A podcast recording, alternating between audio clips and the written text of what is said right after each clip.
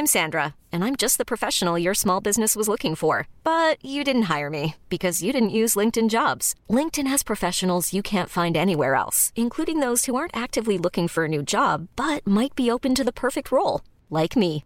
In a given month, over 70% of LinkedIn users don't visit other leading job sites. So if you're not looking on LinkedIn, you'll miss out on great candidates like Sandra. Start hiring professionals like a professional. Post your free job on linkedin.com/achieve today. Many of us have those stubborn pounds that seem impossible to lose, no matter how good we eat or how hard we work out. My solution is PlushCare. PlushCare is a leading telehealth provider with doctors who are there for you day and night to partner with you in your weight loss journey. They can prescribe FDA-approved weight loss medications like Wagovi and Zepbound for those who qualify. Plus, they accept most insurance plans. To get started, visit plushcare.com slash weight loss. That's plushcare.com slash weight loss. Hey there, it's Michelle Norris. I'm host of a podcast called Your Mama's Kitchen. When I travel, I'm usually looking for a way to find a taste of home when I'm not at home. And one of the things I love to do when I am at home is entertain. And Airbnb allows me to do that. When I was in California recently, I rented a house that had a great kitchen. And when we were sitting around the table, we're all thinking, we're in someone else's house. Someone could be in all of our homes as well. If you have a home, but you're not always at home, you have an Airbnb. Your home might be worth more than you think. Find out how much at airbnb.com/slash host. Ja. Pappa Glenn och din mamma de skilde sig. Och du var en liten kille. Du kommer inte ihåg vilket, vilket år var detta? 86. 86. Du är en fyraårig kille. Och sen drog du ut till Liv ja, Först var det i Fiorentina, sen Liverpool. Fiorentina, Liverpool. Eh, var du över i Liverpool och så eller? Jag hälsade på ja. Ja. Ja, ja, oh, ja. Ja. Hur, kommer du ihåg någonting från den här tiden? Ja, det gör man väl. Alltså, då var jag ju ändå... Åtta. Ja, 7, 8, 9 typ. Eh, jo, det kommer jag ihåg absolut. Eh, jag kommer ihåg att vi... En vända när jag var över så var han skadad och satt inne på... I rehabrummet och körde. Och då satt jag på en motionscykel bredvid John Barnes och cyklade. Och då satt han där och körde sin rehab. Och jag vet vi någon gång efter någon träning så drog vi och spelade biljard på någon pub där i Liverpool liksom. Och då fick jag spela biljard med Ronnie Whelan eller ja, vem det nu var liksom. Så att jo, det kommer jag ihåg absolut. Det... Sen är det väl mycket... Vissa grejer har man fått berättat för sig och vissa grejer har man... Känner man att man har ett eget minne liksom. Så. Eh, Men det var ju häftigt. Så det var ju absolut. Men hur, hur var dina känslor när du var i Göteborg om man säger pappa var kvar i Liverpool? Var det en längtan eller? Ja, det... men så, ja men det är väl, så är det väl för alla som inte bor med båda sina föräldrar. Det är klart att det är. Och framförallt då när det blir att... Som för våran del, vi träffades ju liksom två gånger om året. Alltså det var en gång på våren och en gång på hösten så man kunde åka och hälsa på. Liksom. Sen var det ju skola resten och det var ju... Jag spelade ju fotboll och jag liksom gick i skolan och morsan jobbade liksom och sen... När han kom hem och var, ledig på sommaren så blev det att man kunde umgås mer på sommaren då liksom. Eh, Jag vet vi var på Tjörn en del somrar på något sommarställe där och... Så var det ju absolut. Eh, Men, men i och med att jag var så liten liksom, Jag kan inte sitta och säga att det var si eller så för det var det enda jag visste. Alltså det var så det var. Det var, det var liksom inte... Jag var inte 14. Liksom, utan jag var fyra och... Jag kommer inte ihåg någonting från innan det. Så att, det har varit så hela tiden liksom. Ja, det blev ett normalt levande helt Ja, enkelt. det är så det har varit för oss. Ja. Liksom. Men sen kom du hem, vilket år var det Glenn? 91? 92. 92? Eh, och du, eh, då spelade du i Lundby va? Eller var du Nej, där? det var i. Lindholmen. Ja. Lindholm, ja. Har pappa följt dig alltid på, på matcherna och sånt? Har han varit där och stöttat dig och så eller? ja, han har varit och kollat så mycket han har kunnat. Ja, Säger han i alla fall. ja han säger det.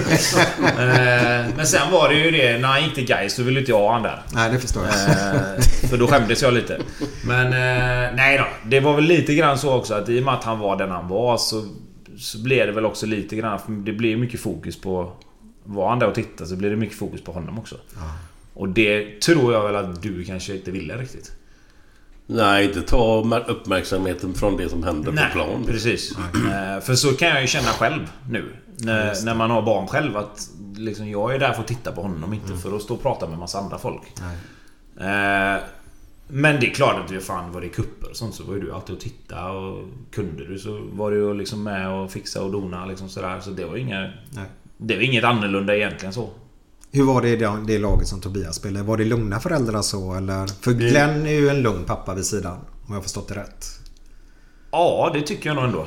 Ja, ja. Det får jag nog säga. Jag aldrig Han har väl alltid bara stått och liksom försökt att peppa liksom. Alltså Ja. heja heja liksom är så. Hur är du som pappa?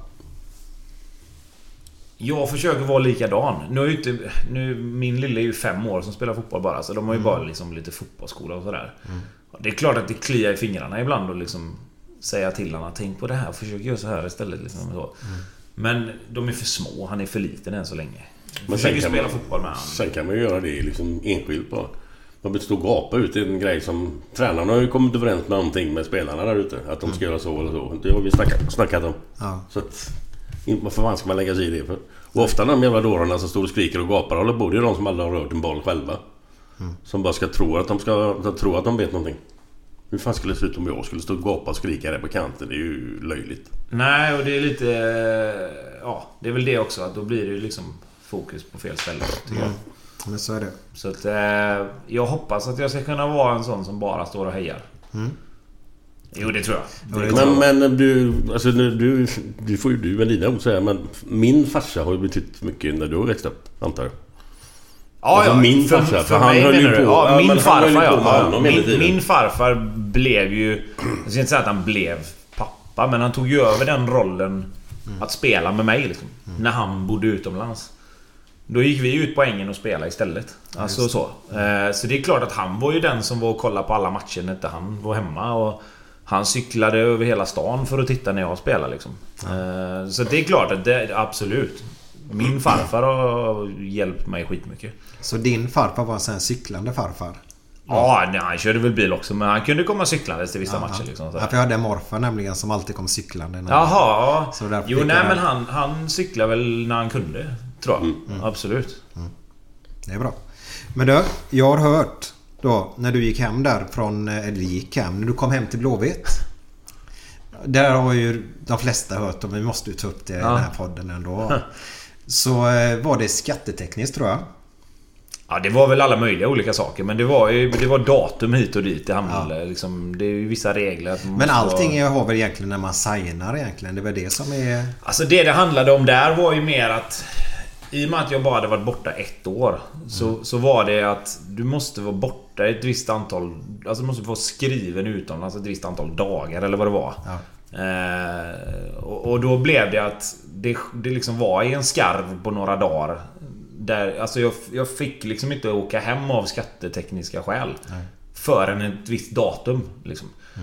Eh, för att vissa regler då skulle gälla. Eh, och det var väl det vi egentligen satt och väntade på liksom. För att de dagarna skulle liksom gå. Alltså så. Eh, Och det var ju inte jag som valde det utan det var ju liksom... Jag menar sådana grejer har ju inte jag någon koll på. Så det blev ju min rådgivare kontra Blåvitts rådgivare som satt och diskuterade fram att så här gör vi liksom. Stanna i Sandland Ja till... men det blev liksom att vi, den, här, den här- dagen så då är vi på den säkra sidan liksom. Så behöver vi inte bry oss om något annat utan då gör vi så. Och så har du en pappa då som ställer sig i Kalmar på ett räcke då. Ja. Och det enda han kunde komma på när de bad honom sjunga någonting eller säga någonting. De det bad var- inte mig sjunga. Nej. Det var, eh, det var det. Det var inte... Du Ja. skrev att det var efter mycket hård press. Det var inte bara en gång han tjatade utan det var 25 gånger. Att du skulle upp på räcket ja. ja. Säg något. Så efter 30 gången så tänkte jag klarar jag inte det. Säg något sa de bara. Och då hade det ändå bara varit Ramlösa på vägen ner i bussen Ja. från Göteborg. Precis. Ja, sure. Nej men det var... Eh... Alltså grejen är ju att nu kan man ju sitta och skratta. Jo, jo, jo, jo, jo. Men då var det ju liksom... Man Men bara en fråga. Kan du bara förklara snabbt Glenn vad det var som hände? Så ska jag gå till Tobias sen. Nej men det var ju väl ungefär som vi sa här. Vi, alltså, vi åkte med supporterbussen ner. Vi, jag har ju varit med ett antal gånger genom åren. När Blåvitt har spelat. Det, eh, typ Kalmar har varit tre eller fyra gånger. Men så just den gången då så visste jag att jag var på väg att bli klart. Och jag visste, jag vet inte om jag visste eller inte visste om det var klart eller inte men... Men då hade vi suttit och druckit bira hela vägen ner i bussen. Och kommit ner till Kalmar och gått på O'Learys och druckit ännu mer bira. Och det var kanonväder på, på väg bort och så kom vi upp där och så var det en sån stämning och det var underbart allting och det var grymt. Sen kommer jag inte ihåg vilket läge det var under matchen. För det blir ju 5-0 eller något. Ja, precis. Ja. Så kanske stod 3-0 eller något och så står det en gubbe och tjatar på mig där. Vi går med Tobbe, vi går med Tobbe, vi går med Tobbe. Och till slut så orkar jag inte. Ja, så blev det som det blev. Men sen har de tryckt upp muggar och t-shirt och grejer efter det. Ja, Det var, inte, det, det var inte det smartaste jag gjort, det kan jag erkänna men... Men det blev ett Det, klassiskt. det blev ju bra till slut. Ja. Det är ju det som ändå är det viktiga. Men hur, hur fick du reda på att pappa hade sagt detta? Ställt sig på räcket där. Ja, nej jag... eh, Jag Vi har fortfarande inte sagt vad han har sagt. Han sa Tobbe är klar. Ja, Tobbe är klar, ja, Ja, precis. ja, Eh, och jag fick reda på det. De ringde mig på morgonen dagen efter. Eh, för det här på något sätt hamnade ju på en kamera då. Alltså en Ja, ja. mobilkamera. Det ligger på YouTube. Eh, som hamnade till slut på sociala medier. Och det var ju inte lika stort då, så det tog ju ändå lite tid. Så på morgonen dagen efter är det väl, så ringer det... Kan klockan ha varit? Halv åtta eller något kanske? På morgonen dagen efter. Så ringer det till mig då när jag är i England och ska vi åka och träna eller vad ska jag göra? Och jag vet inte om det var... Det var väl någon av de här stora tidningarna som ringde och frågade liksom bara... "Eh, Vi har hört det här från din pappa att du är klar för Blåvitt. Jag bara nej, det tror jag inte. Eh, liksom sådär att ni har gjort. Jaha, du har inte sett eller? Jag bara nej vadå? Nej men han, eh, han, har, han har sagt att du är klar liksom. Ah, fast det tror jag inte han har gjort, så jag. För det vet han ju att jag inte är. Liksom. För det var inte klart, utan det var väldigt nära. Och det hade jag ju sagt till honom att det var liksom, det är lite grejer kvar. Så att det kanske har tolkats så, sa jag då. Nej. Gå in, gå in på YouTube och kolla, sa de då. Alltså, det går inte att misstolka liksom. Och då gick jag in där liksom, ja så här, ja, nej, det gick ju jävla med inte att misstolka. Vad var första tanken då? Nej, då var det ju bara så fan. För, ju, alltså, där, alltså då... Så nu har han ju liksom börjat tänka till lite. Ja. Men då var det lite såna grejer lite då och då. Och då blev det så här att jag bara fan. Eh, så då ringde jag honom. Och klockan var ju halv nio på morgonen dagen efter det. Så jag fattar ju, han ligger ju säkert och sover. Men då svarar min lillasyrra och så säger hon bara "Ah, pappa ligger och sover. Väck honom då! Okej. Ja, så svarar jag han då och så bara vad fan har du gjort? Liksom. Ah, vadå? Ah, jag, jag kommer inte ihåg. Nej. Men gå upp och kolla det då och så ring mig när du vaknar sen. Helvete liksom. Nej, sen tog det några dagar innan han vågade höra av sig igen. Okej, det gjorde det. Ja, det gjorde allt. Jag fick ett eh, meddelande bara men fan förlåt. Förlåt. Okej. Men som sagt, det löste sig och det blev en jävla rolig grej av alltihop. Så att, Det blir ju eh, alltid det till slut oftast. Ja, förhoppningsvis så har man ju den turen då. Ja. Men det är klart att just där och då i ett par dagar var det inte jävla... Vad sa Maria? Vad sa Maria? Hon, det, det drabbar ju inte henne på det sättet. Det blev mer att hon fick... Hon fick ju ringa sina... Sin morsa och farsa liksom och bara ja, nej, det är inte helt klart liksom. Men det är snart typ. Så att... Eh, men sen löste det sig bara några dagar efter tror jag. Och så blev ju allt klart. Bara att det skulle dröja någon vecka då liksom. Men, eh, men det är klart att det hade ju kunnat... Eller skita sig vet jag inte om det hade gjort. Men det hade kunnat dra ut på tiden. Så kan man säga. Ja, men det förstår jag. Det förstår. Känslan är nu då. Allting är färdigt. Ni är på väg hem till Göteborg. Hur kände du dig inombords? Ja men det var kul. Det var ju häftigt såklart. Eh, jag tror inte jag riktigt tog in det förrän man landade ändå liksom. Eh, Håkan och två stycken i styrelsen, eller från kansliet med, från ekonomiavdelningen och sånt där med kontrakt och som, De var ju över i Sandland när vi skrev på liksom. Och då är det klart att då blev det ju officiellt och hela den biten var ju, var ju liksom så. Eh, Men det blev ändå inte riktigt förrän jag liksom någonstans åkte upp med bilen från flygplatsen då blev mottagen där av ordförande och allt det där och sen var det ju lite ståhej där på på flygplatsen och sen så satte vi oss i bil då liksom och åkte upp till Kamratgården för det var ju träning. Jag skulle ju träna där på eftermiddagen liksom. Vem var ordförande då? Eh, Stig Lundström. Ja. Så när jag kom upp dit och liksom klev in där och det var liksom lite presskonferens och, och sen skulle börja träna liksom. Det var väl först då man kände att Fan det här nu är det på riktigt liksom. Nu var det inte bara så här att man åker hem och tränar med något lag på, på sommaren liksom. Jag hade ju tränat med Djurgården på sommaren där och, och liksom sådär och då... Ja, det var ju kul så. Men nu var det lite mer så här vad... Ja, okej, nu måste jag liksom... Nu måste jag vara bra här liksom. Häftigt. Ja, så det var lite häftigt. Så var det absolut. Sen var det ju inte vilken höst som helst man kom hem till heller. Utan det blev ju... Spelade vi sex matcher. Han ju spelat sex matcher och vi vann fem och vann SM-guld på höstkanten där. Så att det var... Nej, så det blev som en saga nästan.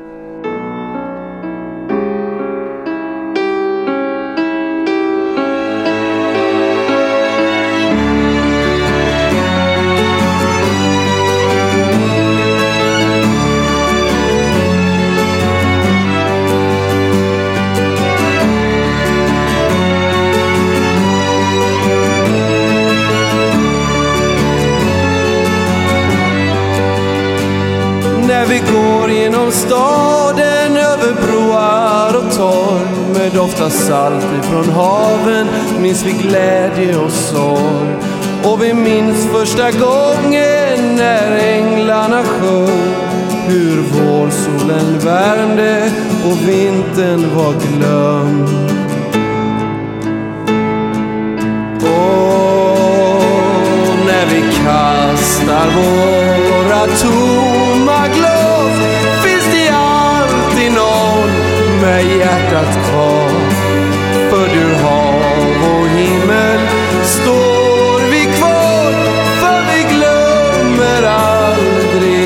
Stad.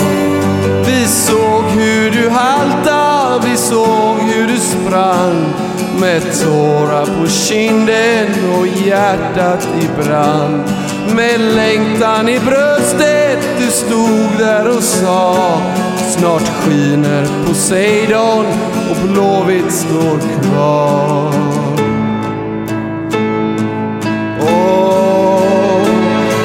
Vi kastar våra tomma glas finns det alltid någon med hjärtat kvar. För du hav och himmel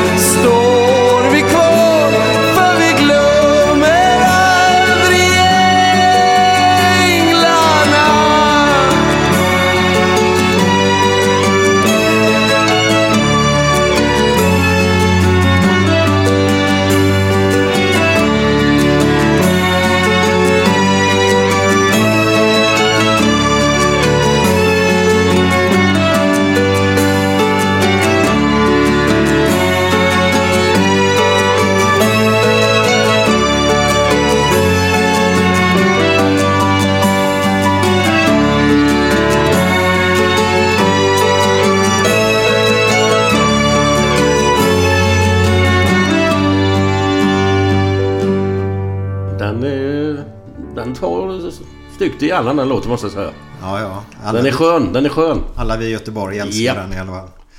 Eh, men Tobbe, när du var på väg hem. Var det du... eh, Alltså, du hade en rådgivare då. Ja. Han Svensson.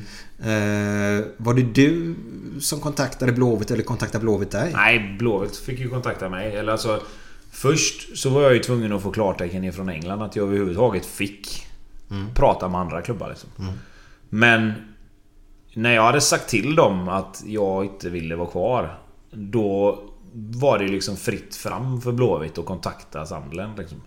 Och när de då hade gjort det och lagt ett vettigt bud så fick jag ju börja prata med Blåvitt med såklart. Ja, okej. Eh, Men det är ju den vägen man måste gå. Sen är det ju liksom upp till min eh, ja, agent då, eller ja, rådgivare, konsult, på vad man vill kalla det liksom. Och se till att lösa de personliga delarna. Men det var inte jättesvårt tror jag. Det är klart, det blir ju detaljer, det är liksom summor hit och dit och det ska vara detaljer och det är liksom just det här med som jag sa att det var bara var borta ett år, att det var lite... Ja, skattetekniska grejer som var tvungna... Det måste ju stå rätt överallt Ja. liksom. Det är ju mer det som är grejen. Alltså reglerna är ju ganska otydliga vad du får och inte får göra. Men du måste se till att det står rätt liksom. Så det var väl det de fick göra. Och sen så... Ja. Sen var det inte mycket mm, konstigare än så liksom. Nej. Och sen kom den magiska hösten då som du sa. Ja. Med SM-guld och Ja. Trelleborg och regnet Ja, ja och, precis. och Så att, känslan. eh, nej, så det var... Ja, det, fan, jag fick ju vara med om allt det roliga egentligen bara. Ja. Eh, Du kom jag hit- slapp försäsong och jag slapp hela lunken. utan Du bara skördade, in i- helt enkelt. Kom rakt in i en guldstrid liksom. Där vi lyckades vara... Ja, bäst när det gäller egentligen. Hur många matcher sa du att du spelade då? Ja, han spelade sex matcher. Och vi gjorde hur många Valje? Ett. Ja. Men... Var det mot Malmö? Ja, borta mot Ja. Malmö. Men vi hade som... Alltså alla de andra spelarna var ju... Var ju mer eller mindre, kanske inte i sitt livsform, men n- nära i alla fall. Kan du räkna upp lite spelare? Ja, vi hade ju Bengt Andersson. Höll ju nollan de fem sista matcherna i Allsvenskan där när vi vann. Eh, Du hade ju Bjärsmyr, Ragnar Sigurdsson, Ulme, eh, Adam Johansson, Hjalmar Jonsson, Thomas Olsson, eh, Wernbloom, Gustav Svensson, Alexandersson, Selakovic, Wallerstedt. Hyfsade, hyfsade gubbar. Ja men alltså det, det, nej, men det var ju så. Vi hade ju... Vi hade ett jävla bra lag. Alltså... Och vi spelade på exakt rätt sätt. Med de spelarna. Med det egentligen. Det fanns säkert andra lag som hade minst lika bra spelare egentligen individuellt sett. Men sättet vi spelar på var klippt och skuret för hur Blåvitt skulle spela just det året. Ja, med den, det med de gubbarna liksom. Ja. Så spelade vi exakt så som vi skulle göra. Var Adam Johansson med? Ja, ja. Ja, de Johansson var högerback. Då har vi, de ska ju avtackas ikväll då. Ja, Adam och Jelle är ju Ja. sista hemmamatchen för de två. Får jag bara ställa en väldigt personlig fråga. Fortsätter du nästa år i Blåvitt? Jag har kontrakt i alla fall ett år till. Ja. Och du kör på? Ja, ja. Fan vad gött. Faktiskt. Absolut. Ja. Eh, ja men det är väl lite kul att veta eftersom de tackar jag var Adam men nu var Jalle då. Ja, ja visst. Ja, precis. Så eh, de har ju varit med länge då och tog SM-guld och detta. Och du var med där också. Ja. Det, det är coolt på något sätt. Ja, det är gött. Eh, tillbaka, vi fortsätter där med Blåvitt. Eh, sen dess har du inte blivit något SM-guld. Nej. Nej. Vad, hur, hur, hur går snacket uppe på Kamratgården? Alltså, det där är ju... Det där är ju svårt alltså. Det är ju så jäkla små marginaler egentligen. De har ju varit... Alltså, Blåvitt har varit nära. Riktigt nära två gånger. Eh, och det är klart att det är ju... Det är inte tillräckligt bra. Liksom. Blåvitt har vunnit ett guld de senaste 20 åren. Liksom. Och det är... Alldeles för dåligt. Så är det ju. Det är ju ingenting man kan överhuvudtaget prata om. Det handlar ju inte om att vara nära utan du ska ju vinna liksom. Eh, och det är väl lite det som måste hittas tillbaka till. Alltså dels så måste ju den sportsliga delen bli bättre. Och då är ju det hela tiden det där vad, vad kommer först? Hönan eller ägget? Den sportsliga delen kan inte bli bättre förrän ekonomin blir bättre. Nej. För det går ju hand i hand liksom. Och ekonomin blir inte bättre om inte vi spelar bra liksom. Eh, så att... Ja, det är ju en jävla utmaning för alla som håller på med IFK Göteborg att se till att den här liksom negativa trenden kring det området vänds till någonting bra liksom. Och hur man gör det, det kan du nog få... Frågar du 20 personer så får du nog 20 olika svar. Eh, Det är skitsvårt givetvis. Annars hade det ju bara varit att sätta sig ner och skissa på ett facit och så gör man så. Exakt. Men... eh, Det är väl bara att konstatera att eh, det inte har skötts på rätt sätt de senaste åren. Det kan man väl säga utan att säga för mycket. Det blöder för mycket just nu. Ja, vi har gått för mycket back liksom. Ja. Det, det är ju konstaterat alltså. Det är ju fakta. Det är liksom inte någonting som jag tolkar det som. Utan det är så det är. Men lever man över sina resurser då? Ja, går du back så, så gör du av med mer pengar än vad du har. Mm. Alltså det är ju enkel matematik. Eh, Och så tror man då på att det ska bli... Lägger man en budget på att det ska bli så och så mycket åskådare och... Såna, Ja, såna här jag kan ju inte- här, nej, vad jag- heter det? Optimistgrejer jag, kan liksom. ju, jag kan ju inte det tillräckligt Nej, bra nej, för nej, att nej. säga vad det är de har gjort fel. Nej, nej. Eh, men... Krasst så vi får inte in tillräckligt med pengar mot vad vi gör bort eller gör av med. Alltså så är det ju. Det är nog svårt att driva en klubb för du har ju en så... Du har ju vet du det, eh, både från media och supportrar och sånt så ska du ha nå framgång med Blåvitt. Eh, och då är det nog ganska svårt att säga nej men vi är nöjda med att bli sjua i år för ekonomin sitter bättre ut. Nej, det är det som är det stora kruxet där. Att du måste kunna prestera under en period även när du inte har egentligen de ekonomiska möjligheterna till att kanske köpa in de spelarna som du kanske behöver. Sen tycker jag att vi har tillräckligt bra lag för att vara med de, om man säger, tre lagen som är lite själva där uppe då. Malmö var ju helt själva i år. Eh, Men jag menar, tittar man på på, våran, på vårat lag och våran trupp så, så tycker jag vi skulle varit närmare. Vi har inte varit så bra i år som vi hade behövt vara. Eh, sen kan du välja att se det som att Europa tog styggt att vi fick åka och spela de matcherna. Men samtidigt, det är ju det man vill. Ja. Så det måste du kunna lösa. Ja. Och det löste vi egentligen fram till sista två, tre veckorna på Europaspelet. När det blev de här tuffa matcherna och lite tuffa resorna liksom. Där fick vi lite problem med energi eh, och mentala biten när vi var dels två matcher uppe i Stockholm där vi underpresterade. Ehm, och det blir en erfarenhet och en lärdom såklart. Att här måste vi göra någonting lite annorlunda. För vi kommer förhoppningsvis hamna i den sitsen igen. Och då måste vi kunna hantera det liksom. Så att... Eh, men som sagt, det är, det är inte bara en... Det är inte bara en parameter som är utan det är ju mycket som spelar in. Eh, Tror du Blåvitt ska kunna ta två, tre skitår genom att satsa på egna produkter? Mer på akademin? Att man nu när ekonomin är dålig menar jag. Så måste man ju nästan välja då. Du kan inte köpa in spelare och så betala höga löner i månaden och...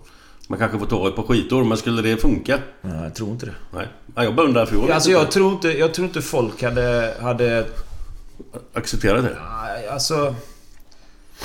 Jag vet inte. Nej. Jag kanske är naiv där men jag tror inte det hade gått att säga liksom att nu, nu gör vi så här att nu kommer vi få ta liksom en generationsväxling eller en... en en, eh, Inte riktigt jävla stålbad. en, re, alltså. ja, en rebuild liksom. Alltså för att, för att någonstans bara sätta oss på noll igen och så, och så bygga därifrån. Ja, du vet ju inte vad det är för killar som är där nere. Alltså om de lyckas eller inte heller. För det är ju det problemet att ta från där, och där har, du liksom, där har du ju en utav grejerna som, som, eh, som folk också... Där är ju väldigt delat. Just det här med akademin, att den kostar så mycket. Jag tycker ju att man måste kunna lägga pengar på akademin för att du måste ha egna produkter.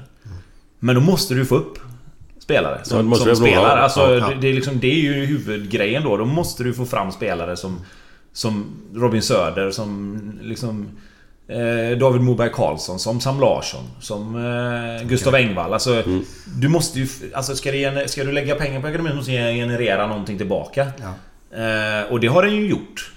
Men det finns ju de som tycker att det borde komma upp mer unga spelare. Det finns de som tycker att unga spelare inte får chansen tillräckligt. Alltså det, det är liksom som jag sa, du får 20 olika svar om, du, om du pratar om det här va. Eh, och det finns ju inget, inget rätt. Det finns ju ingen rätt väg att gå för att det beror ju helt och hållet på liksom. Det kanske är rätt väg i ett par år och sen kanske man måste byta spår lite. Eh, jag vet inte. Ja, det, är, det är en svår knu, knut att lösa. Ja, det där jag ta. Ja, det, det, det är det. Nej men det är svårt är det Tobbe. Mm. Det är jättesvårt. Eh, hade man haft svaren så hade man ju gjort så. Ja, ja men så är det ju. Och det är klart att Någonstans måste man ju ändå sätta sig och, och komma fram till vad man vill göra. Alltså vill vi göra ett stålbad Då får ju klubben ta det obekväma beslutet att göra det. Ja. Alltså Då tappar du kanske några på kort sikt Men på lång sikt så, så kommer alla de här Som håller på Blåvitt och älskar föreningen och klubben och allting De kommer vara kvar. Ja. På kort sikt så blir det inte lika skoj. Nej. Men på lång sikt så kanske du tjänar på det. Eller så hoppas du att nej, fan vi ska lösa det här ändå. Vi ska, vi ska liksom hitta rätt väg att gå och ändå vara med i toppen liksom.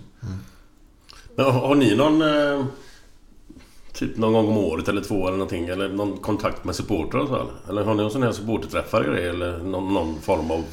Nej, nej alltså. Vi har, ju, liksom- vi har ju kamratgårdsdagen då liksom. Där får ju vem som helst komma upp och, Mm. och titta. Då är det ju träning och så är det ju autografer och det är lite grejer runt omkring och sådär. Och Sen har ju vi eh, någon eh, eller några tillfällen runt jul där när vi är inne i Nordstan. Eller i alla fall har varit förr om åren. Jag tar för givet att det fortfarande är så. Där man eh, ja, står och säljer liksom flyttar egentligen en del av shoppen till Nordstan då och står och säljer souvenirer och liksom, då ska ju vi spelare vara där och hjälpa till och, och sådär. Eh, Men annars är det, ju- alltså, det är ju rätt öppet där uppe. Jag menar vill fansen komma upp och titta på en träning eller vill de komma upp och liksom eh, vara där och, och se så, så är det, får de ju det liksom. Eh, Men hör ni, får ni mycket gnäll eller? Är det mycket gnäll från supportrar? Nej, jag tycker inte det. Ja, alltså visst. Man får väl skit när man ska ha skit. Alltså det, så är det väl alltid. Eh, och och det, det tycker jag, det får man ju någonstans räkna med att det hör till när du spelar för en stor Ja, jag förening. liksom. det. Så det, det är liksom inget konstigt så. Sen, sen tycker jag alltid att det får finnas en viss nyans i allting. Alltså man kan inte bara Bara för att du förlorar en match så är inte allting katastrof. Lika väl som det inte är superbra när du vinner heller. Eh, och de flesta förstår det.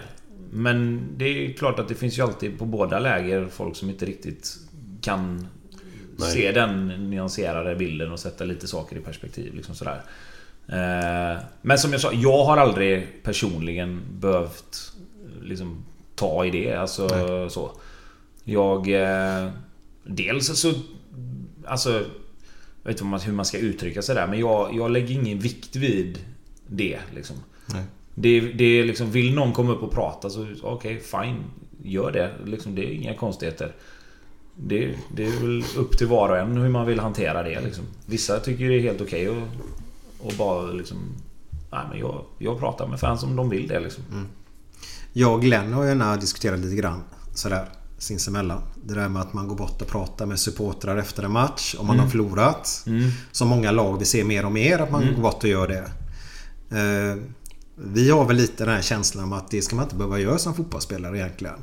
Jag, jag, jag förstår ju där att man vill...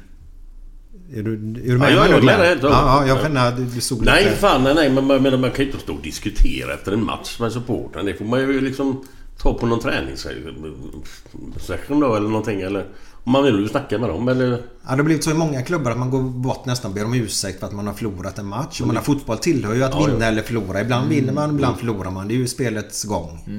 Eh, Men varför har det blivit så? Har du någon bra... Hey, I'm Ryan Reynolds. At Mint Mobile, we like to do the opposite of what Big Wireless does. They charge you a lot, we charge you a little. So naturally, when they announced they'd be raising their prices due to inflation, we decided to deflate our prices due to not hating you. That's right. We're cutting the price of Mint Unlimited from $30 a month to just $15 a month. Give it a try at mintmobile.com slash switch. $45 upfront for three months plus taxes and fees. Promo rate for new customers for limited time. Unlimited more than 40 gigabytes per month. Slows. Full terms at mintmobile.com. Ever catch yourself eating the same flavorless dinner three days in a row? Dreaming of something better? Well, HelloFresh is your guilt-free dream come true, baby. It's me, Kiki Palmer. Let's wake up those taste buds with hot, juicy pecan-crusted chicken or garlic butter shrimp scampi. Mm. Hello Fresh. Stop dreaming of all the delicious possibilities and dig in at HelloFresh.com. Let's get this dinner party started. Even when we're on a budget, we still deserve nice things. Quince is a place to scoop up stunning high-end goods for 50 to 80% less than similar brands. They have buttery soft cashmere sweaters starting at $50, luxurious Italian leather bags, and so much more. Plus, Quince only works with factories that use safe, ethical, and responsible manufacturing. Get the high-end goods you'll love without the high price tag with Quince. Go to quince.com slash style for free shipping and 365-day returns. Alltså jag, jag tycker att där får du nog känna av lite vad det är för match du har förlorat tycker jag. Och hur det har sett ut. Alltså... Bara två exempel till, som jag själv då valde att göra olika. När vi förlorade nere mot Malmö så var det några som var borta och, och pratade med fansen liksom. Och då valde jag att gå in. För att jag tycker att förlora borta mot Malmö är liksom... Det är ingen katastrof. Nej, alltså, det, är nej, liksom, nej, nej. det är inte bra. Och vi var ju missnöjda såklart med att, att vi förlorade den matchen. Men, men den matchen i sig tycker inte jag är en grund för att man ska, som du säger då, behöva gå och prata med fansen. Utan det är en match du kan förlora. Liksom. Medan när vi var i Kalmar och förlorade så kände jag att fan, här var vi inte bra. Det, här var inte okej liksom. Vi, vi, den här matchen, prestationen var inte tillräckligt. Det var inte liksom... Första halvlek var fullständig katastrof liksom. Då kan jag känna på ett annat sätt att här kan jag gå fram och, då, och prata lite. Om det är någon som vill det. Likväl som när vi torskade 5-0 mot Gävle för några år sedan. Jag skulle precis sagt Då är det liksom... Nej men en sån match då, fine. Då kan jag köpa liksom att då är folk frustrerade. Jag förstår, folk lägger tid, pengar, liksom själen i att liksom åka runt och titta på alla matcher. Jag förstår att de vill ha någonting tillbaka. Men man kan inte kräva att en spelare efter en förlustmatch ska gå och prata med fansen efter varje gång man förlorar. Nej, alltså nej, det, det är det någonstans man måste lä- alltså förstå också att Spelarna är oftast lika förbannade som fansen. Och vi liksom... Som vi sa där, sk- ska man behöva göra det? Nej, inte alltid behöver man inte det, tycker inte jag. Och jag tycker inte framförallt att det ska vara liksom något tvång att göra det. Det ska inte vara att spelarna känner att jag måste gå bort till fansen nu för vi har förlorat. Utan ska man göra det så ska man ju vilja göra det för att man tycker att okej, okay, idag känns det faktiskt mm. befogat att vi går bort och kanske tar ett litet snack med dem. Ja. För idag var det inte bra. Liksom.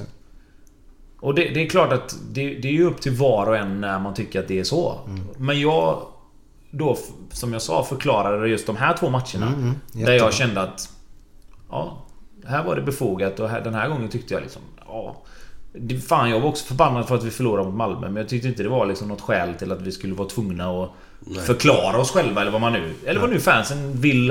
Är det, vad är det de vill att man ska säga när man kommer dit bort? Mm. Liksom. Nej men det var en bra förklaring faktiskt. Ja, Jättebra. Magkänsla lite grann. Ja, det tycker jag i alla fall. Sen... Jag förstår att fansen ser det på ett annat sätt. Mm. Men någonstans får de ju ändå se det på vårat sätt också. Att man är inte jättepigg på att stå där och ta en massa skit heller bara efter en förlust. Och då kanske man får välja lite grann vilka... Vilka förluster är katastrof och vilka är liksom bara usch. Alltså så. Mm. Liksom. Jag dig. Men eh, Tobias, jag uppfattar dig som väldigt vänlig, sympatisk och en ödmjuk person. Även som spelare på planen. Eh, så jag har hört att du har gett Henrik Rydström en vinflaska inför ett möte när eh, ni mötte Kalmar hemma och han platsade inte längre i Kalmar eller någonting. Eh, stämmer detta? Ja. Vad kan du förklara lite grann? För det, för det, det är signum dig i sådana fall på något ja, sätt. Ja, alltså det var väl en... Jag kommer inte ihåg riktigt vad det var. Eh, alltså Henrik Rydström är ju en sån spelare som har varit i Kalmar i alla år. Vi har mött dem... Ett tag kändes det som vi mötte dem varannan vecka. Mm. Det var kuppfinaler, det var semifinaler, det var guldstrider, det var allt möjligt ett tag där i slutet på, på 2008, 9, 7, alltså där. Eh, och så var det något år, jag kommer inte ihåg exakt vilket år det var, men då var det en, i alla fall stor artikel om att han... Eh, ja, han spelade inte lika mycket längre och han satt på bänken och han tyckte det var lite jobbigt och liksom sådär. Och jag har alltid... Jag har alltid gillat han. För att han är liksom... Han har varit... Ja, jag har bara gjort det. Många i vårt lag tyck, tyckte inte om han alls. För han var där och tjötade på varenda domslut. Och det var gnabb varenda jävla... Så fort domaren blåste i pipan så var han där och klagade. Det kunde Ja. vara att han blåste av matchen och då skulle det vara en minuts tillägg till liksom. Eh, Men jag någonstans fick väl bli eh, den neutrala delen i vårat lag när, Sella, Alex, Pontus, Bjärsa, Gurra och alla var där och tjatade med han då. Och då vet jag att jag bara tänkte att fan... eh, Jag försöker att liksom... Jag försöker gaska upp han lite liksom. Ja. Alltså sådär. Vad fan, kom igen nu, kör på liksom. Så då köpte jag två flaskor vin och ställde i en påse i deras omklädningsrum på Gamla Ullevi liksom. Och bara... Typ skrev någonting i stil med att... eh, Fan, kämpa på liksom så hoppas jag att vi får se dig i startelvan snart igen liksom så här. Och det är klart att Henrik Rydström då som den han är, han la ju ut det på alla sociala medier i hela världen. Eh, För att det tyckte han ju var jävligt fint gjort. Eh, Och det var ingen tanke med det mer än att fan... Det, var, det kändes som en bra sak att göra där och då liksom. Ändå blev en sorts hatkärlek mellan Kalmar och Blåvitt där ett tag. Men jag tror ändå att respekten mellan klubbarna ändå fanns där hela tiden. Du trodde att det var så att han var jävligt misstänksam när han skulle dricka de flaskorna? Att det var något preparerat där i eller? Ja, men han skulle ändå inte spela så. Ja, men han var en skön profil. Ja, jag tyckte det. Jag Ja. tyckte det. Ja. Jag vet att inte alla tyckte det, men jag, jag tycker det. Men tycker- det, är ju såna, man, det är ju sådana man behöver. Folk som syns lite. Fan, Ja, det är ju, sen, lite. sen när de är lite gnälliga så, vad fan då?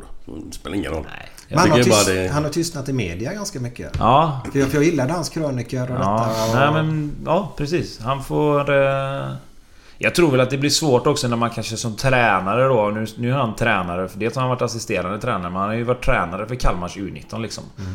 Och det är klart att... Det handlar väl lite grann också om en sorts... Alltså... Jag vet inte vad man ska kalla det, men...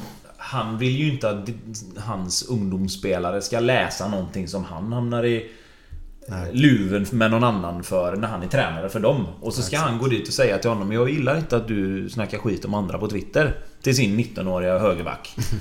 när han själv precis har fullständigt sågat sönder någon i sin krönika då liksom. Ja, nej, det är sant. Eh, Så det blir väl lite det där att... Ja, balansgången där vad man ska göra och inte göra liksom. Men Tobias, till Kina. Mm. Eh, ganska häftigt att ha varit i Kina och spelat eller? Ja, det tycker jag. Eller var det bara pengarnas? Ja, det var det ju också men Ja. det var ju... Till en början var det ju mycket det ekonomiska biten. Det, Så är det ju. Jag var 31 och hade spelat i Allsvenskan i... Åt, vad fan blir det? Sju säsonger. Och kände att eh, sån här chans får jag aldrig igen. Liksom. Och trygga upp dels ekonomiskt men även att att göra någonting annat bara. Eh, det var ju också en del i det. Mm, så att det är klart att man till en början försökte lägga upp det som att ja men vad fan det blir ett äventyr och sådär. Och det, liksom, det var det ju. Alltså, men det, det blev det ju. Men det är klart att den ekonomiska biten var, var väldigt viktig. Som jag sa, jag hade, liksom, hade jag varit utomlands och spelat i Europa i, i tio år så hade jag kanske inte hoppat på det. Nej. Men... Och det var ju inte så att jag tjänar dåligt i Blåvitt. Herregud, jag tjänar mycket mer än vad många, många gör på, på 10 år. Tjänade jag på 2-3 säsonger där liksom. Men jag kände ändå liksom att... Nej fan, vi, vi gör det här. Det var inte försvarbart mot familjen att säga nej till så mycket. Ja, det var så. Ja, jag, jag tycker ändå det. Eh, och det kanske man är mer trygg att säga nu än vad man var precis när det var. Ja. Eh, Men det var... Det blev ett äventyr och det var två helt skilda år. Första året gick jättebra fotbollsmässigt men var katastrof rent socialt. Och andra året var jättebra rent socialt och, och för familjen och sådär men, men gick lite tyngre sista halvåret då rent fotbollsmässigt så. Varför gick det sämre fotbollsmässigt? Vi fick en dålig tränare. Ja, var det Svennis? var du eh, Glenn, vi kan väl köra med Ja. oss Tobbe öppna. Eh, Var du och hälsade på ofta eller? Nej, han bara med en gång. En gång An- bara? Andra året. Ja. Och då hade de ju eh, precis... Nej, det var precis i flytten där till en ny lägenhet. Så vi bodde på hotell. ja. Vilket var... Ja, jag älskar den jävla stan. Shanghai var fantastiskt bra. Alltså det var det? Ja, grymt. Sen vet ju inte jag hur det är att leva där men... Nej. Men bara den lilla... De dagarna vi var där så var det ju helt grymt alltså. Ja, Och även få träffa Svennis igen. Och ja exakt. det var skitkul alltså. Vi hade det förbannat roligt. Ja. Hur var Shanghai för dig som bodde där? Nej, alltså själva staden Shanghai är helt fantastisk. Det är så? Ja, det finns ju... kan ju göra precis vad som helst. Allt från att sitta på en liten eh, lokal eh, Kina-restaurang till att sitta uppe på 91 våningen och käka eh, liksom, ja, hummer eller vad, vad du vill egentligen. Med utsikt över hela jäkla stan. Och det var kontrasternas stad. Liksom. Okej. Du kunde stå i ett slumområde och titta upp på en skyskrapa. Liksom. Det var fascinerande kan man säga. Ja, för man har ju den bilden som svensk härifrån att det är bara äcklig mat, typ. Eh, konstiga människor. Det är ju den bilden man har. Jag nu då, säger jag. Så därför är det kul att ni kan berätta hur det var. Ja, nej men alltså konstig mat. Ja, det finns väl konstig mat där också. Det kan du hitta i Sverige med tror jag. Eh, och det är klart att det finns konstiga människor lika väl som det finns överallt. Det som är... Det som var den största skillnaden var ju att de har ett helt annat... ja, Alltså tankesätt, men mentaliteten och kulturen är ju annorlunda på så sätt. Det var dit jag ville komma. Eh, de är ju väldigt... Har jag kommit fram till, det är ju inte bara jag, men jag kom fram till att det, i och med att de är så jävla många Så måste de ju ta för sig hela tiden, för annars kommer de ingenstans. Alltså du... Du står nere i tunnelbanan och folk väller på vagnen innan man hinner gå av. Hade det varit i Sverige så hade man ju bara "Vad- fan, låt mig gå av först. Men det är ju att går inte de på så Då sticker tåget. Då kommer de inte på liksom. Okej. För det är så jäkla mycket folk som ska av och på hela tiden. Så tar de inte för sig och går bara rätt in så... Så kommer de inte på liksom, tror jag. Och just det där att... Ja, det var ju sådana grejer. Mer allmänt hyfs liksom. Som man tyckte att fan, det här är ju jättekonstigt. Men så tänker man bara, fast vi är, vänta nu, nu är de 1,4 miljarder och i Europa, jag vet inte hur många vi är men... Jag vet inte om vi är 1,4 miljarder i alla fall. Så är det vi eller de som gör fel? Alltså... Det är ju lite det som blev tankeställningen när man vände på det lite. Att, Mm. ja, för, ja. Men det är klart att det var mycket konstiga grejer jämfört med vad man själv Är van är vid det. van vid. Och de normerna, eller vad man säger, som man själv har vuxit upp med då. Ja, ordet konstiga människor tar jag tillbaka naturligtvis. För det var inte det jag menar, konstiga människor. Utan... Nej, nej, utan... men nej, precis. vad du menar. Ja, det är bra. Ja, Vad du precis. menar. precis. Men sen, men sen kan man säga att när man, när man lärde sig lite grann hur det funkade så blir ju allt sånt väldigt normalt. Alltså, och då blir det inte konstigt. Alltså då blir det liksom att nej men jag vet varför de gör så här och det, det är inget konstigt. Jag förstår det nu liksom. Eh, för vi hade Vi hade liksom En utav grejerna som jag då reagerade på men så fick jag det förklarat av våran chaufför att det var att det kommer, det kommer en, en polisbil liksom i, i, med sirener och allting och det är ingen jävel som flyttar på sig. Det är liksom de bara kör, de bara fortsätter köra liksom. Okej. Och då var det liksom så här bara, ja men det kom en polis. Alltså du vet, här hade det liksom varit. Ja, man hade ju mer eller mindre kört på folk för att komma ur vägen liksom. Nej, var- varför ska jag flytta med för honom för? Bara, ja, men han kanske typ är på väg... Det kanske händer någonting någonstans. Han kanske måste... Ja men hur ska jag kunna veta det? Han kanske har satt på sirenerna bara för att han vill fram. Jaha. Okej. Ja. Ja. Ja. Visst. Men du fick Svennis där i alla fall? Ja, precis. Ja, hur Ja. var det att vara en eh, spelare under Svennis? Ja, det blev ju jättebra såklart. Mm. Eh, I början var det ju fantastiskt. Vi... Eh, ja, det är ju mycket lättare att ha en tränare som man kan prata med. Mm. Första året hade vi en kinesisk tränare som... Ja, det blir ju svårt. Liksom. Eh, Men det är klart att det blev jättebra. Vi fick in Roger Palmgren som var assisterande tränare som också var svensk. En svensk doktor. Eh, Engelsk målvaktstränare hade vi ju redan. Eh, Vi fick in lite brasilianare i fys och sydafrikan i, i fysdelen som pratade bra engelska. Så helt plötsligt så kunde du liksom prata med, med alla. Liksom. Fick man en smäll så kunde du förklara vad det var du hade ont. Liksom. Och då var det inte det där att walk it off liksom. Utan då var det mer att okej men så här gör vi då. Och sen gick det ju fantastiskt bra hela, hela våren egentligen och, och en bit in på sommaren liksom. Ehm, så blev jag skadad i någon match där och spelade väl egentligen några matcher för mycket för att det skulle varit helt bra. Så jag fick ju göra ett uppehåll på 4-5 veckor sen. Och då var ju klubben i den situationen att vi låg liksom... Vi ledde serien liksom. Och jag försvann. Och då var de tvungna att köpa in en ny. Så att då köpte de in en forward. Som kunde ta min plats. För att vi hade inte råd att, att liksom spela 5-6 matcher utan en av de bästa utlänningarna då. Liksom. För att det, Du får bara ha fyra stycken. Och då måste du ha dem tillgängliga liksom. Men är det, är det fritt att köpa in spelare hur fan som helst där eller? Nu är en skadad, då köper Nej, in han. nej, nej, men det här var ju på sommar. När, alltså, ja. när sommarfönstret Ja, ja. öppnade så Ja. köpte vi in en Okej, ny gubbe okej. liksom. Eh, och, det, och efter det så då blev det ju lite som... Då, antingen fick jag spela lite på kanten eller så fick jag sitta på bänken då. Eftersom du bara får ha tre, tre icke-kineser på plan samtidigt. Ja, okej. Så blev det ju att då fick han spela och så fick jag sitta på bänken. Eller så spelade jag och så satt han på bänken.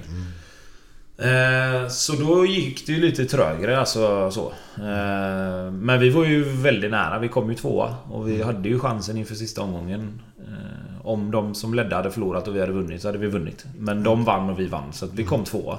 Vilket var en jätteframgång för, för hela klubben. Liksom. Så att eh, det var ju fantastiskt på alla sätt och vis att få vara med om det också liksom. Har du koll på hur det har gått för dem efter det? Efter Jag kom trea i år. Trea, okej. Ja. I alla de klubbarna är de privatägda, eller hur funkar det där? Eller? Eh, det skulle jag nog gissa. Det kan finnas någon som är liksom ägd av själva den stadens ja, kommun eller alltså Ah, kommunfullmäktige okej. eller vad man ska säga. Ja, så, så. ja, ja. Men de flesta har nog ett företag. Alltså ett Mm. ja, privat eller statligt företag vet jag inte. Men det är ett företag som är ägarna om man säger. Som har, Därav finns det så mycket pengar i... ja. Vad var snittsiffrorna på matcherna? Jag såg alla matcherna jag var nere för det var Vi, ingen match då. eh, första året då så var vi ju... Säg att vi hade ett snitt på 12-13 tusen.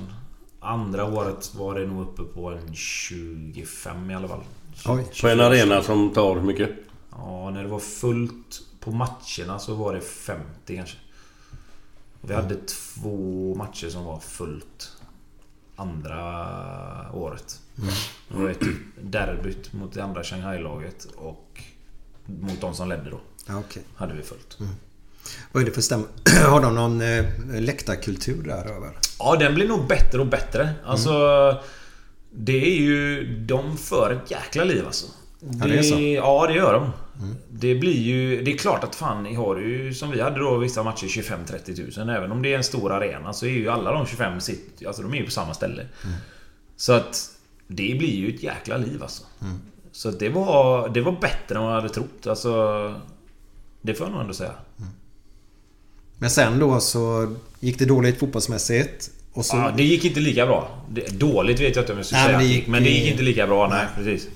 Eh, Men hur, var det du som tog beslutet att sluta där eller var det kineserna? eller? Nej, det var ju att i och med att de gick till Champions League då.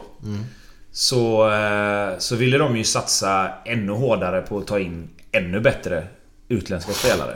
För det är det lagen gör där liksom. De har en bas givetvis och en grund med kinesiska spelare. Och många av våra kinesiska spelare var väldigt bra. Spelade i landslaget och sådär. Men sen handlar det ju rätt mycket om vad du har för utländska spelare, vilken kvalitet de har. För det är de någonstans som avgör hur bra det går. Liksom. Presterar de utländska spelarna som oftast är anfallare, offensiva mittfältare, alltså så. Då går det bra liksom. Eh, och då valde de att göra sig av med två utav oss som var där och köpa in två nya då. Liksom, För att få höja kvaliteten ytterligare.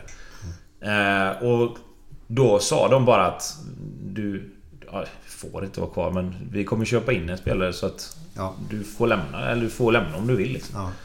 Och jag hade ett år kvar på mitt kontrakt så jag sa ju bara "Ja, visst jag kan lämna men då får ni ge mig mina pengar. Så drar jag.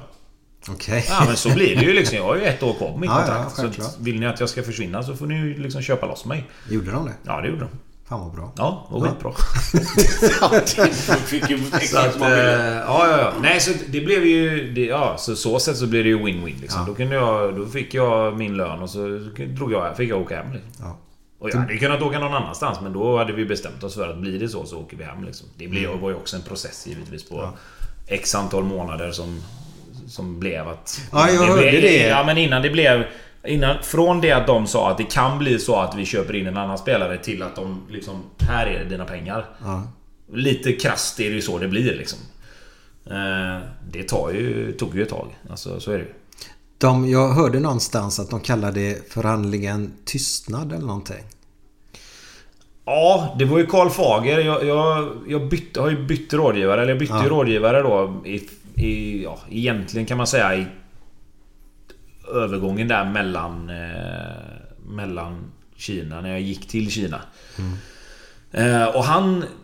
Det var ju han som myntade det då liksom. För att det det handlade om där var ju att... Du, du sett, det blir ju en förhandlingsläge du hamnar i när du har ett år kvar på kontraktet. Alltså, säger jag då liksom att ja, men jag vill inte vara kvar. Ja, men åk hem då. Men säger jag då hela tiden att jag vill vara kvar liksom. Då blir det ju att okej men... Då får de ju välja vad de ska göra. Okej men han sitter kvar här. Då får vi, får vi betala honom ett helt år utan att han gör någonting. För vi har ingen plats för han i laget liksom. Och där blir det ju då vem, vem bryter tystnaden först? Och där eh, ha- hade jag tur att jag hade bra folk runt omkring mig. För att den, det var frustrerande i stundtals. Så du, där pratar du inte med pappa i alla fall va? Nej. Nej. Men tror nog att det här går bra. Ja, Ja, du har ju lärt dig nu. ja precis. Eh, tiden börjar ju rinna iväg. Du ska ju idag på matchen då som sagt var. Ja, precis. Eh, efter sen eh, lite musik och lite grejer så kommer du Glenn med en fantastiskt bra historia idag eller? Ja, det tycker jag. Men jag har en fråga bara sista. Mm. Vad kommer du göra när du slutar? Vad är det du vill göra? Eller vad kommer du att syssla med Jag tror du? vet inte. Du har inga idéer Jo, jag har massor. Men Typ? det... Ja men typ eh, jag... eh, Jag har väl tänkt ta tränarkurserna och, och ha det liksom. Så att man har det. Och, och Sen om man bygger vidare på det eller går vidare med det, det får man väl se. Det beror väl lite på vad du får för förslag också. Eh, sen finns det ju allt möjligt från eh, liksom jobba som expert på TV. Men där är du mer beroende av att få ett erbjudande liksom. Eh, jag har väl tänkt på lite andra saker. Jag har, det finns lite saker som ligger och, och väntar och sen... Man får ju se liksom. Det beror ju på om det är ett eller två eller tre eller fyra år kvar att spela också. Alltså, Ja, ja, ja, ja. Det, det, bara för att det kanske... Nu har jag ett år kvar med Blåvitt och sen eventuellt ett år till beroende på hur, hur det blir liksom. Men det är inte säkert att bara, även om, jag, om det skulle bli så att jag inte blir kvar i Blåvitt så kanske man inte vill sluta spela. Och då kanske jag gör lite som Hannes Stille gjorde. Att man går ner antingen i Superettan eller Division 1 och så kanske försöker spela där i ett eller två år bara för att få spela liksom lite till. Eh, och då blir ju det, då blir det liksom, aha, hur mycket tid måste jag lägga där kontra vad jag kan göra här? Vad ska, jag, ska jag jobba under tiden? Ska jag inte jobba under tiden? Ska jag börja lite smått och känna på vad jag vill göra liksom? Men, men jag vill köra nästa år också, minst liksom. Eh, innan jag börjar fundera på det hundra, liksom att det här ska jag göra nu. Jag har ju den förmånen att jag kan ta lite tid på mig sen när jag lägger av och, och, och bara sitta och inte göra någonting liksom. Eh, för att kanske då komma på och känna efter vad jag vill göra liksom. Så att jag tror att eh, det är så det kan vara. Sen vet man ju aldrig. Det kanske dyker upp någonting som man inte ens har tänkt på. Nej. Som bara kommer från ingenstans och så bara fan det låter ju bra ju. Ja, exakt. Det är bara hoppas. Men det är skönt alltså att du känner ju själv att du behöver inte stressa iväg i alla fall. Nej, det behöver jag inte. Och jag vill inte stressa in i någonting som man sen sitter med i två, tre månader och så känner man Fan det här var ju inte alls roligt. Nej. Och så bara hoppar man av det med en gång. För sådana grejer blir ju... Då blir, får du lätt liksom att ja, han kan inte vara på samma ställe för han blir uttråkad direkt. Liksom. Ja, exakt. Utan då tar jag hellre några extra månader och, och tar det lugnt och liksom passa på liksom. Och kanske ska jag vara pappaledig för första gången i mitt liv. Ja. Det måste ju kännas jävligt skönt att kunna ha det alternativet. Ja, Som att ha pressen på sig. Du måste ju ha något att jobba med. Nej, det... Det fan måste vara underbart. Nej. Om jag så bara ska sätta mig och spela tv-spel ett halvår så... Fan vad bra du blir på Fifa då. NHL. Ja, är det mest NHL du spelar? Ja. 90% i alla fall. Ja, det är så. Ja. Ja. NHL på Playstation och Football Manager på datorn. Är du St. Louis då eller? Nej, Winnipeg. nej, det, nej, det är jag inte. Eh, Har du fortfarande spring i benen? Du vet den här goa känslan man kommer in på planen och detta. Det är därför du vill fortsätta med fotboll även efter nästa år. Sen om det blir Blåvitt eller inte som du sa då. Eller man gör när han är Ja, men jag, ja, men, ja, fast det är väl också en utav grejerna man får känna efter när man är där. Liksom. Jag vet ju att jag har nästa år kvar. Och sen är det lite mer beroende på vad som händer. Men jag har väl svårt att se att jag ska sluta spela helt efter nästa år. Sen som sagt, det kan ju hända att... Alltså det kan ju hända vad som helst. Fan, jag kanske har ett skitbra år nästa år. Helt plötsligt så bara stämmer allt och så fan öser du in mål. Eller så går det fullständigt åt helvete. Och då är det ingen diskussion ens om att man inte ska vara kvar i Blåvitt för att du inte är tillräckligt bra liksom. Så att det, det går inte... Jag kan inte sitta här och spekulera i vad som händer om två år för jag har ingen aning om hur nästa år blir. Nej. Och därför vill jag ta nästa år först. Och så får det... Så får man landa i det och så får man se liksom. Glenn, när dog din glöd? Om du förstår mig rätt nu. Är du med mig? Ja, jag hade ju glöd första året i Gais när jag kom hem hit. Det var ju inga problem. Även om vi åkte ur Allsvenskan- då. Men eh, det var väl kanske andra året man började känna lite sådär. Sen var det mycket skador och skit. Jag har ju fan knappt varit skadad i mitt liv. Och så fick det lite skador på Gais-tiden där då. Jag bröt ju axel, gjorde sönder axeln. Borta ett halvår. Sen bröt jag två tår. Så är det borta i fyra månader där. Så att, och så blir det jobbigare att komma tillbaka varje gång. Ju äldre du blir liksom. Ja, man läker inte lika Nej, och det är inte lika kul att sitta på en jävla... Eller sitta i ett, i ett gym. Som det var för tio år tidigare liksom. Så det alltid var väl runt den, den tiden och kände fan. Men som sagt, jag spelade ju i skogen i fem år. I division 4, division 3. Bara för att det är så jävla roligt. Omklädningsrummet och tjatet och det här. Det är det, är det jag saknar mest. Jag saknar ju fan inga försäsonger. Aldrig i livet. Den här jävla löpningarna och skit. Fy Fan vad tråkigt. Men just tjatet och detta, det är, det jag, det är därför man fortsätter. Hoppas du fortsätter många år till faktiskt Tobias. Eh, Tobias, vi ska runda av här nu. Ja. Vi vill ge dig och våra lyssnare och dig Glenn och mig en underbart härlig låt nu. Men häng kvar så kommer Glenn med en grym, grym, grymt dålig vits.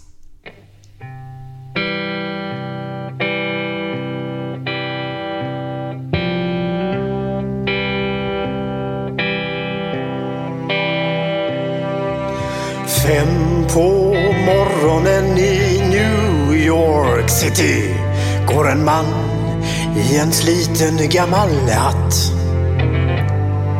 Sveper rocken kring den tunna kroppen.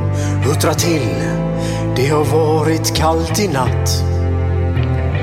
Ser en strumpa sticker ut ifrån hans sko. Vandrar vidare men utan framtidstro. Fem på morgonen i Hallonbergen står en kvinna med gråten i sin hals. Tittar håglöst in i morgonsolen. Hon är trött, hon har inte sovit alls. Två av fem miljarder människor på vårt klot. Men mot deras ångest finns det ingen bot.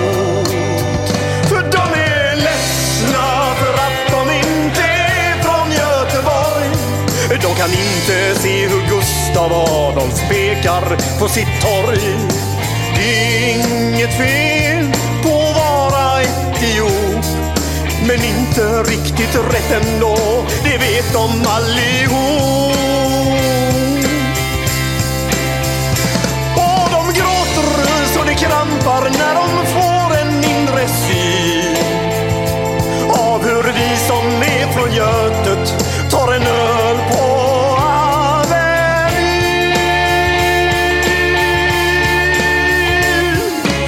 fotbollskille får sitt genombrott och snackar proffskontakt med fem italienska klubbar. Ändå känner han att tåget har gått. En annan gubbe med en ollontusing och en latextjuva skriker ta mig ur röven gubbar. Men det ger honom inte nåt. Samma tomma blick och tårar salta smak. Om man frågar säger båda samma sak. De är ledsna för att de inte är från Göteborg. De kan inte se polisen dunka buss på Schappans-torg. Det är inget fel på att vara från Mölndalsbro. Men 14 stopp med fyran svider mer än man kan tro. Och de gråter så det krampar när de får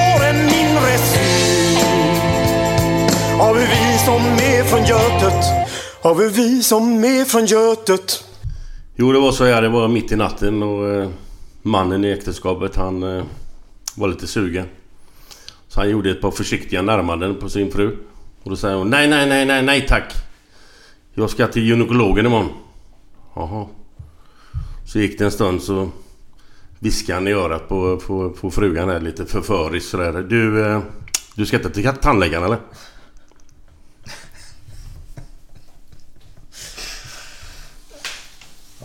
Ja. Den har jag också hört. hej då, hej då. Ja, det är skitbra. Tack Tobias. Imagine the softest sheets you've ever felt. Now imagine them getting even softer over time. That's what you'll feel with Bowl and Branch's organic cotton sheets. In a recent customer survey, 96% replied that Bowl and Branch sheets get softer with every wash. Start getting your best night's sleep in these sheets that get softer and softer for years to come. Try their sheets with a 30-night guarantee. Plus, get 15% off your first order at bowlandbranch.com. Code BUTTERY. Exclusions apply. See site for details. Planning for your next trip?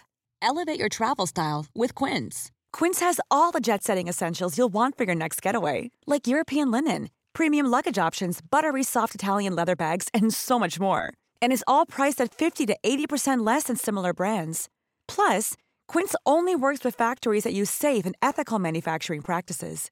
Pack your bags with high-quality essentials you'll be wearing for vacations to come with Quince. Go to quince.com/pack for free shipping and 365-day returns. When it comes to your finances, you think you've done it all. You've saved, you've researched, and you've invested all that you can. Now it's time to take those investments to the next level by using the brand behind every great investor, Yahoo Finance. As America's number one finance destination, Yahoo Finance has everything you need, whether you're a seasoned trader or just dipping your toes into the market. Join the millions of investors who trust Yahoo Finance to guide them on their financial journey. For comprehensive financial news and analysis, visit yahoofinance.com, the number one financial destination, yahoofinance.com.